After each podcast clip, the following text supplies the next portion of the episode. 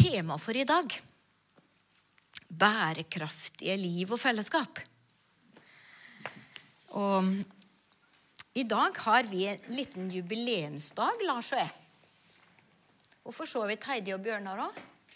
For akkurat i dag så er det 30 år siden vi flytta hit. Da bodde vi bodde på Grimerud, og så flytta vi opp hit den 15. oktober 1993. Og den våren så Ja, vi hadde gått med en uro i oss begge to og kjente mm, Syns det var trangt å bo på Grimerud, og vi syntes det var for lite ikke-kristne. Og, og, så Vi kjente på en uro der vi var. Og så har jeg lært meg å skjønne det at når jeg begynner har en sånn type uro, så er det fordi at Gud prøver å si meg noe. Du vet, Vi kan bli veldig komfortable der vi er, og vi kan ha det så bra at vi kommer oss ikke av flekken. Men vi følte begge to på at, at tida vår på Grimerud er, er snart over. Og så ba vi til Gud, både Lars og jeg, og sa vi når skal vi flytte? Og så spør jeg Lars fikk du en dato. Ja, sa Lars. Ja, fikk du en dato? Ja, jeg fikk òg en dato. Og så sa jeg Lars, ja, når skal vi flytte? Ja, jeg opplever 15. oktober. Ja, det fikk jeg også, Lars. Så da var det greit. Eh, jeg fikk også klokka tre. Så det var litt mer presist. Vi flytta halv fire. Mm. Men bærekraftige liv. Bærekraftige fellesskap. En ting av det som vi har kjent på, og som vi kjenner på, er stor takknemlighet til menighetsfellesskapet her på Sion. Frena pinsemenighet, Nordvestkirka i dag. Vi er så takknemlige for å være en del av et slikt fellesskap. Og det fellesskapet bærer og er, en, er der når vi er unge, ja, når vi er barn, når vi er unge, når vi blir foreldre, når vi blir voksne med tenåringsbarn, og når vi blir besteforeldre, og når vi blir gamle. I, alle livsfasene så er menneskefellesskapet der. Det er på en måte en, det er noe som er litt uavhengig av hver enkelt person. Samtidig så er det helt avhengig av du og meg at vi kommer. Fellesskapet er jo at vi kommer sammen. Og så kan intensiteten i det variere. I noen perioder så er det vanskeligere for oss å være med i menighetsfellesskapet sånn på hver søndag, og sånn, og i andre perioder så får vi det til. Men det at det er noe som går gjennom livet, at vi hører til i en menighet. Og han sier det, han forfatteren av boka eh, The Message, oversetteren av The Message, han heter Eugene Petersen, han har skrevet ei bok som heter Lang lydighet. Og han snakker i sin bok om at det er på en måte ikke spørsmål om du skal være med i et trosfellesskap, men mer hvordan skal vi leve i det fellesskapet. Så det er litt utgangspunktet mitt for dagen, og det jeg har lyst til å dele, det er bærekraftige liv og fellesskap. Bærekraft det er jo et ord som i dag vanligvis betyr at noe passer sammen med, idealet om bærekraftig utvikling. Og en bærekraftig ut, det har jeg lest, henta fra Store norske. En bærekraftig utvikling vil si en utvikling som tilfredsstiller behova til mennesker som lever nå, uten å ødelegge framtidige generasjoners muligheter til å tilfredsstille sine behov. Det er jo henta fra ordene 'sustainable' og 'sustainability'. Og 'sustainable', bærekraftig, betyr, betyr at noe kan opprettholdes over tid. Og 'sustainability' det er egenskapen til å kunne opprettholdes over tid. Mens ordet bærekraft har vært i bruk på norsk eh, før man på en måte tok inn bare den engelske tolkninga av det. Og da har en litt annen grunnbetydning, nemlig et underlag, at det, at det, er kraft til å bære noe. Som en is, f.eks. Den, den har bærekraft. Du kan gå over den. Og når ordet bærekraft i dag brukes om i andre sammenhenger enn diskusjon om bærekraftig utvikling, så kan man se eksempel på begge grunnbetydningene. Det ene er kraften til å bære noe tungt. Og det andre er at en utvikling eller en aktivitet kan opprettholdes over tid. Så temaet bærekraftig liv,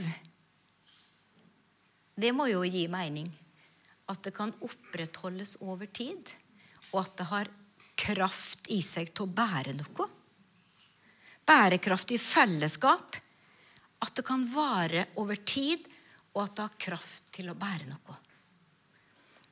Bær hverandres byrder og oppfyll på den måten Kristi lov, er jo et sitat. Gudsfrykt skaper bærekraft i eget liv. Moses sa det jo sånn i 5. Mosebok, kapittel 6 og vers 1. Dette er budet, lovene og dommene Herren deres Gud har befalt meg å lære dere, så dere kan holde dem i det landet dere skal gå inn i for å ta det i eie, for at du kan frykte Herren din Gud, holde alle hans lover og hans bud som jeg befaler deg, både du og din sønn og din sønnesønn alle ditt livs dager, og for at dine dager kan bli mange. Derfor, Israel, hør og legg vind på å holde dem. Så det kan gå deg vel, og dere kan bli overmåte tallrike, slik Herren, dine fedres Gud, har lovt deg, i et land som flyter med melk og honning. Hør, Israel. Herren vår Gud, Herren er én. Du skal elske Herren din Gud av hele ditt hjerte, av hele din sjel og all din makt. Disse ordene jeg befaler deg i dag, skal forbli i ditt hjerte. Du skal lære dem videre til dine barn, barn dem, og du skal tale om dem når du sitter i ditt hus, når du går på veien, når du legger deg, og når du står opp. Du skal binde dem som et tegn rundt hånden, og de skal være som minnesedler mellom dine øyne. Du skal skrive dem på dørstolpene til ditt hus og på dine porter. Du skal tale om dem når du sitter i ditt hus, når du går på veien, når du legger deg, når du står opp. Du skal binde dem som et tegn rundt hånden, og de skal være som minnesedler mellom dine øyne. Du skal skrive dem på dørstolpen din, til ditt hus og på dine porter. Det vi kan lese eller høre ut av den beskrivelsen her, er jo på en måte at Guds ord, innholdet i det, skal fylle heimen. Fra du står opp til du legger deg. Og faktisk det du ser. Altså dørstolpene til ditt hus. Binde dem rundt hånda. Du skal ha det mellom minnesedler mellom panna. Jeg tror at I dag så er det på en måte i en betydning av at vi har Guds ord for vårt eie. Vi har Guds ord for vår hånd. Og vi har det i, i livet vårt. Jeg prøver å tenke tilbake på min egen barndom og hva som kjennetegna den. Hva kjennetegna på en måte miljøet i mitt hjem og i min oppvekst? Og mye av det som, av det som var på mamma og pappa sine lepper og handlinger, det var arbeid i hus og hjem, og så var det menigheten. Så det var på en måte utenom det som gjaldt å skaffe mat og lage mat og, og, og ordne med hus og heim og sånn, så var det på en måte menigheten, misjonen, eh, det, det, store perspektivet med at Jesus skulle komme tilbake og hente oss. Og, men, men, det var det som på en måte fylte Det var det som var på en måte livet. Jesus får gjentatt spørsmål, eller får spørsmålet da dette, Det jeg leste i stad, det sa jo Moses. Men Jesus svarer det som Moses sa, når han får spørsmål i Markus 12. Hva er det største av budene? Og da sier Jesus det første av alle budene er Hør, Israel. Herren vår Gud, Herren er én. Du skal elske Herren din Gud av hele ditt hjerte, hele din sjel, all din forstand og all din kraft. Det er det første budet.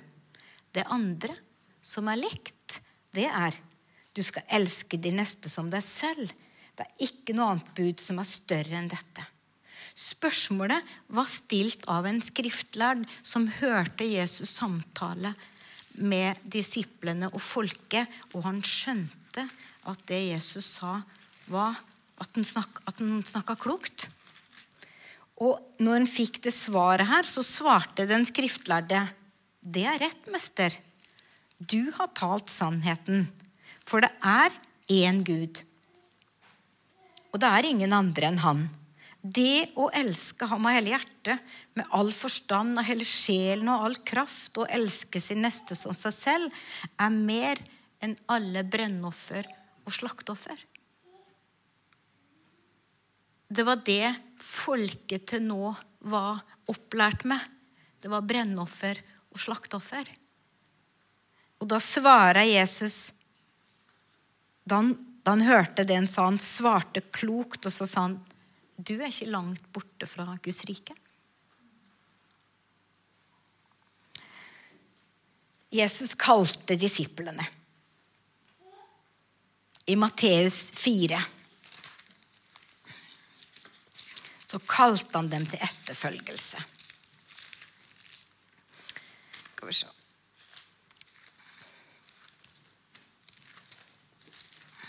Matteus 4,18. Da Jesus vandra langs Galileasjøen, så han to brødre, Simon, som ble kalt Peter, og hans bror Andreas. De holdt på å kaste en fiskenot i sjøen. De var nemlig fiskere. Han sier til dem, 'Følg meg, og jeg skal gjøre dere til menneskefiskere.' Da forlot de straks garnene og fulgte han.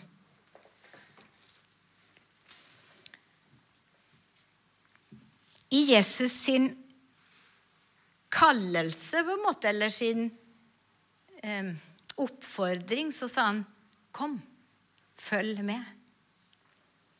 På det tidspunktet så var det hodet deres som responderte. De hørte en invitasjon. Videre i invitasjonen så sa Jesus noe som rørte ved deres hjerte. Så vil jeg gjøre dere til. Og så sa han noe som ville få implikasjon for deres bruk av tid og hånd. Jeg vil gjøre dere til menneskefiskere. Og straks forlot de alt og fulgte han. Livslang etterfølgelse. Han Eugene Petersen, som eh, har oversatt The Message, som jeg viste til i stad Han sier i den boka her, som er ganske gammel men han skrev den boka 'Lang lydighet'. Han ga boka tittelen 'Lang lydighet'. Og det var faktisk inspirert av filosofen Nietzsche. Og Nietzsche han sa det slik at det ser ut som at det vesentlige i himmelen og på jorden er at man adlyder lenge i én og samme retning. Nå var Nietzsche ingen troende og tenkte vel at han levde i dag, så hadde han vært overraska over at vi fortsatt er her som troende, både som menighet, og at Guds rike på jorden i dag vokser. Det var ikke i samsvar med hans tanke. Men det at det å gjøre noe i samme retning lenge, det skaper noe. Og så sier han at det å følge den verktøya som erfaringa fra våre forgjengere Det er viktig. Det er unison enighet om at verktøyet består i skriftlesning og bønn. Kvinner og menn som i tro følger Jesus, best lar seg lede og finner en ny styrke i foreningen av skriftlesning og bønn. For begeistring over kristen spiritualitet, som han sa, eller begeistring over Jesus, uten overgivelse til den verktøyet han har gitt oss, det fører ikke til så mye. Det blir litt slik blaff. Foreningen skriftlesning og bønn sier han litt om. Han, han snakker om det på en veldig interessant måte. Og så må vi jo si det at eh, vi, er ikke, vi er ikke under en lov, men vi er under en oppfordring. Og det å lese Bibelen med konsentrasjon og overgivelse sier han Eugene Petersen i sin bok. Han sier det at om det å lese Skriften sakte, så sier han at hovedsakelig åpenbarer Bibelen en verden som forholder seg til Gud. Det er en stor verden, langt større enn den vi selv kjenner. Vi lever i syndekrympede omgivelser og er for det meste opptatt med oss selv våre egne følelser og frustrasjoner, våre egne ønsker og tanker, våre egne prestasjoner og oppdagelser, våre egne feil og vår egen smerte. Guds kjærlighet og nåde presenteres i det vide og det breie i Bibelen. Den er fylt til randen av uventet miskunn og mysterier, krydret med dommedagsresymé og gravende journalistikk om syndens farer. Dette er en storslagen verden, og det tar tid å venne seg til det majestetiske ved Gud. Vi er ikke vant med noe på en slik størrelse. Vi har vokst opp i bakgården og gaten i Lilleputtland, og det tar tid for øynene å tilpasse seg lyset. Om vi går inn i Skriften for raskt eller går gjennom den for fort, vil vi gå glipp av det meste som er der. Litt ny vinkling, det å, det å ta tid til å skjønne og å, å gripe den virkeligheten som det er skrevet, skrevet i. Guds store verden, Guds store allmakt. Og så skriver han videre at Bibelen leste den sakte med innlevelse. Bibelen er inkluderende alltid. Våre liv veves inn i alt som blir sagt og gjort i denne boka. For å forstå dette er innlevelsen i historien viktig. Vi må la våre samtaler, opplevelser og tanker fanges av historiene, slik at vi kan se hva som skjer med oss i den nye konteksten. Med, gjennom bevegelsene i historieforløpet mens vi står skulder til skulder med historiens personer. Det var en som sa det sånn at når du, når du leser f.eks. fra når Jesus er på reise og han stopper et sted, så Stopp opp, lukk øynene og så prøv å forestille deg at du er der. Hvordan lukta det? Hvordan var været? Hvordan var stemninga? På en måte Kjenne litt etter hva var det egentlig Jesus formidla? Hva situasjon var det han formidla det han sa i? Innlevelse. Den handler om vårt liv. Bønn Skriftlesning, sa han, er lesende bønn. Ikke først og fremst informasjon, men at Gud taler til oss. Lytter vi? Svarer vi? Og så er det siste punktet, som han sa, at lese Bibelen. Lese Skriften sakte, med innlevelse, i bønn og etterfulgt av lydighet. Vi finner oss selv igjen i boka som Jesus' etterfølgere. Jesus kaller oss til å følge han, og vi lyder. Eller vi lar det være. Vår jobb er å lyde og tro og lytte tillitsfullt. Enkelt og greit å lyde. Vi kan skisse litt det med eh, li, det, det kristne livet på en måte i denne trekanten her. Så bunnplanet i den trekanten og grunnplanet er evangeliet. Det er Guds nåde, ordet om Guds nåde til oss. Det er på en måte det, det vi står på. Og så blir erfaringene ei, side i den tre, trekanten. Og det er den vi har Den er subjektiv. Evangeliet er jo objektivt likt for alle.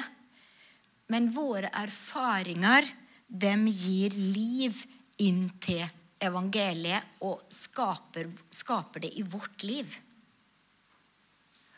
Og så har du praksiser som endrer. Praksis er Altså, vi er det vi tenker. Mens i dette her så er å, et, å følge etter og lyde Det blir en måte å endre seg på. Vi endrer oss mens vi lever. Altså vi lever oss fram til en ny måte å tenke på.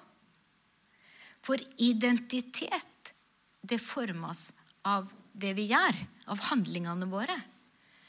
Jeg kan ikke bare tro meg til en identitet.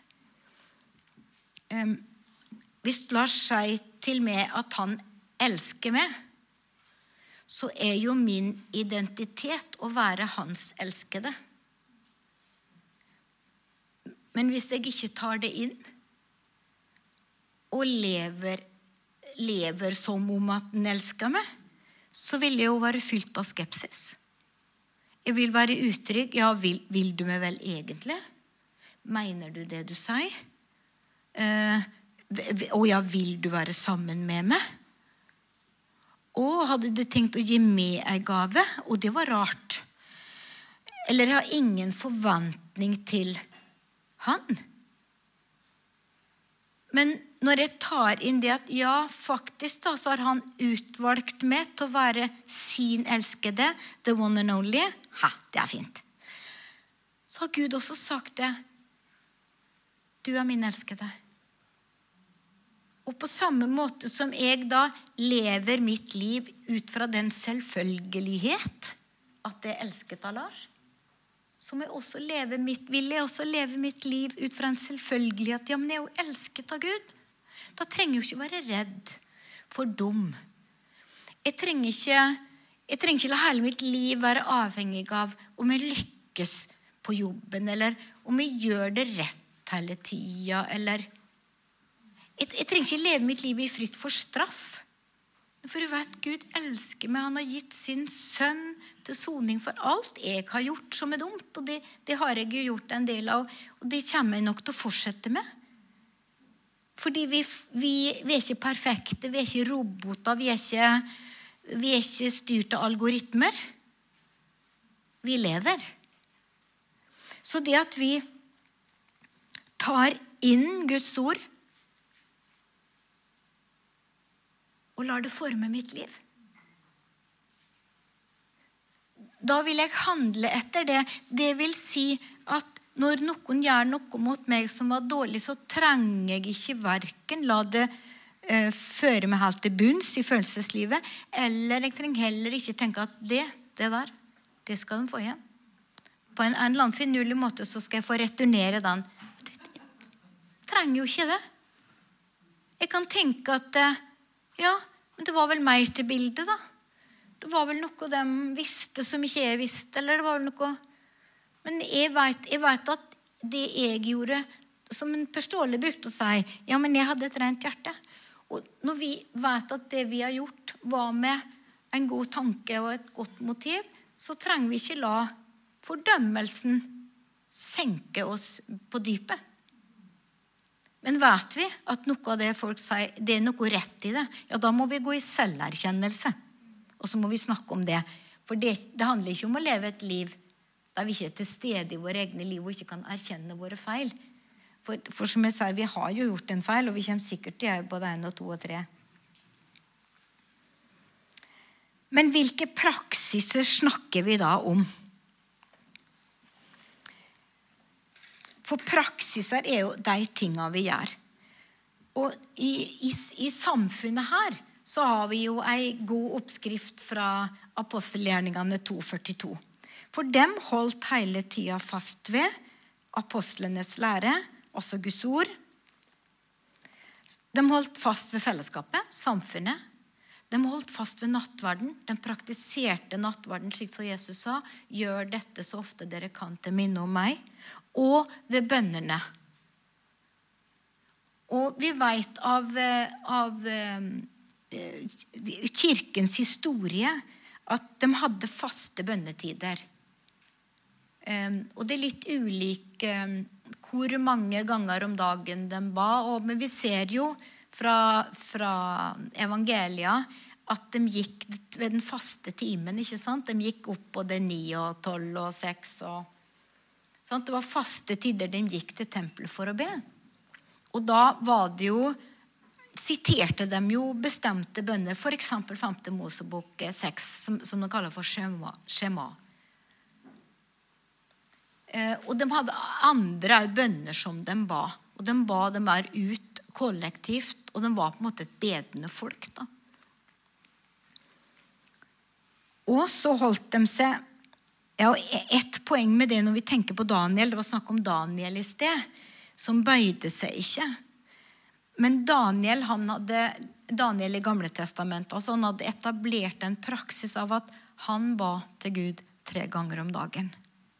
Og når han hadde etablert den praksisen, og det blei forbudt, så var det naturlig for han å fortsette, for han ville ikke bøye kne for noen andre. Men hadde det vært naturlig for Daniel å åpne vinduene og bøyd kne hvis han ikke hadde gjort det før? Det er ikke naturlig for oss når det blir strammere rundt oss og vanskeligere å tro og gjøre noe nytt i protest på frihetsberøvelsen. Det er naturlig for oss å fortsette med det vi alltid har gjort. Så Derfor er det å etablere praksis av, av skriftlesning og bønn så viktig. Så det med bønn skal vi snakke mer om framover. Men eh, et annet punkt, eh, eller I vers 46 her, så står det at de holdt seg daglig med samstemt sinn i tempelet, og de brøt brødet i hjemmene. De spiste sin mat med glede og hjertes lyst. Hele tiden lovet de Gud og hadde velvilje hos hele folket, og daglig la Herren dem som ble frelst, i menigheten. Så det at de var sammen både i, i menighetsfellesskapet, det store fellesskapet, og de var sammen i heimene andre etablerte praksiser som var, var jo det med, med dåp. Når du tok imot Jesus, så ble du frelst, og så ble du døpt på din egen tro og bekjennelse. Synsbekjennelse, synserkjennelse, det snakka jeg litt om i sted. Eh, eh, all synd er tilgitt ved det Jesus har gjort på korset. Så Jesus skal ikke på nytt på korset og sone for våre synder det er ferdig. Så alt, alt er betalt for. Alt er gjort opp. Men det som er viktig for oss i den kristne menighet, som har tatt imot Guds nåde og tar imot den til fulle, det er likevel at vi må ikke miste ordene i språket vårt for å sette ord på ting som er vanskelig. For å sette ord på ting som er vondt. For å sette ord på det som blir synd så flyter tilgivelsen. Og den flyter vi i. Men for vårt eget sinn og for vår egen sunnhet og for vår egen mentale helse så det er veldig viktig å leve transparent, leve i ærlighet med seg sjøl. Ikke, le, ikke leve med en tanke om at Ja, men jeg synder ikke. Sjøl om Guds ord så sa jeg at den som er Guds barn, den synder ikke. Men den vi gjør feil. Så den som sier han ikke synder, han bedrar seg selv, står det et annet sted. Så det er, det er viktig at vi har gode balanser i det her. Ja, vi er tilgitt. Alt blir tilgitt. Men, men det er viktig at vi, vi har selverkjennelse. Ja, Ærlighet. Det er viktig. Tilbedelse er en del av våre praksiser. Og så er det hjemme. Hva er det som skjer i hjemmet? Og Jeg sa litt om det i stad. Hva opplevde jeg? Hva som var stemningen i min heim? Hva var det jeg vokste opp med? Moses sa jo at du skulle lære dem videre til dine barn. Du skal tale om dem når du sitter i ditt hus, når du går på vei, når du legger, når du står opp. Altså, Hvordan gjør vi det? Og vi må jo si at for vår del det å lese fast andagstid, f.eks., det fungerte ikke. Vi fikk ikke det til. Nå snakker jeg om Lars og meg, sin, min sin heim. Nei, da var ungene overalt, syns vi. Men det som fungerte, det var alt vi gjorde rundt den faste dagsrytmen. Rundt alle måltider. Be ei bordbønn. Og vi tulla ikke bort bordbønna. La det ikke bli en tradisjon at eh, bordbønna blir tjoho! Altså, Vi skal ha glede rundt det, men tenk på at vi venner oss til Gud. Og min, mitt, mitt favorittbordvers er 'Og du som mette liten fugl'. Hva forteller det? Jo, det forteller om den enorme, store skaperen som er vår Gud. Velsign vår mat og Gud.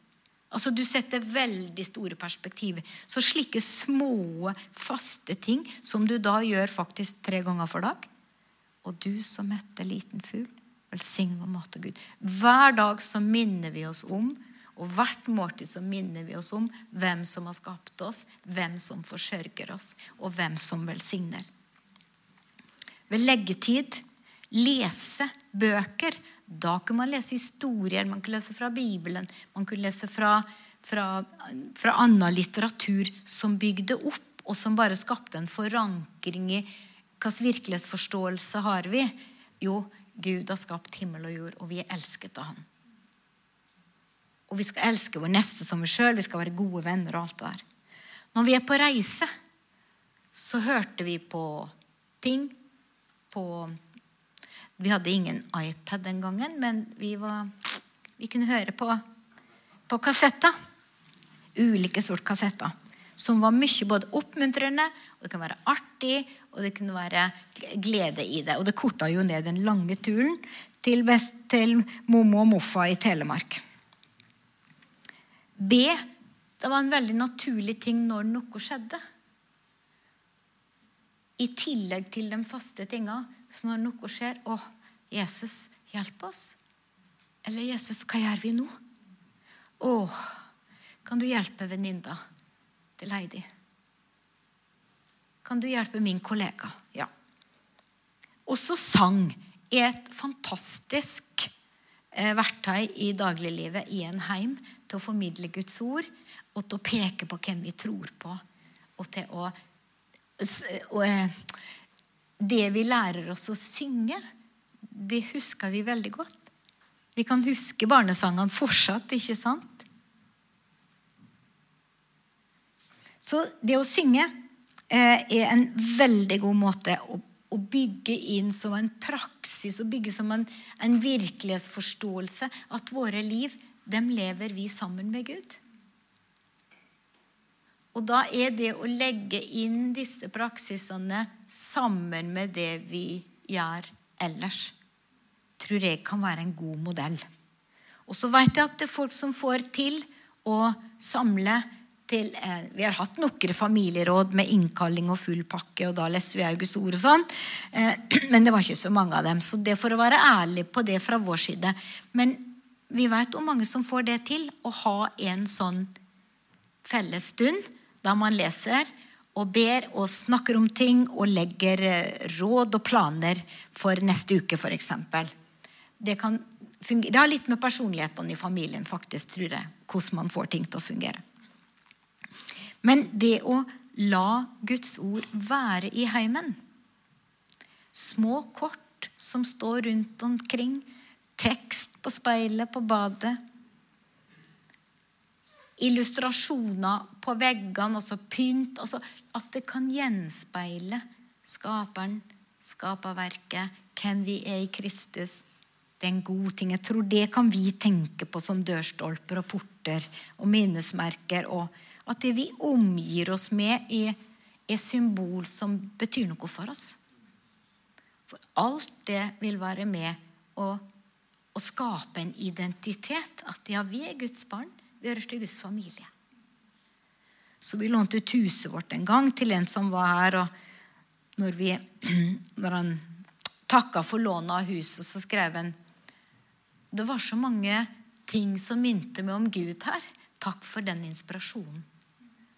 Så det å tenke når vi i pynter, eller når vi gjør det koselig rundt oss, at det som er der, minner oss om noe, er Gud Sånn som pyntekomiteen her på huset alltid har vært så flinke til å pynte. Og så er det symboler og tegn og illustrasjoner som bare minner oss om hvem vi er i Kristus. Hvor høyt elsket vi er, hvor fantastisk naturen er, og skaperen er. Bærekraftige liv og bærekraftig fellesskap blir ved at vi gjør det samme lenge i sam, det i, lever i samme retning over lengre tid. Over lang tid. Så lang lydighet. Følg etter Jesus hver dag hele livet. Så skaper du bærekraftig liv, for det er du som får det godt. Og vi får det godt som fellesskap når vi kommer sammen og bærer hverandres byrder. Amen.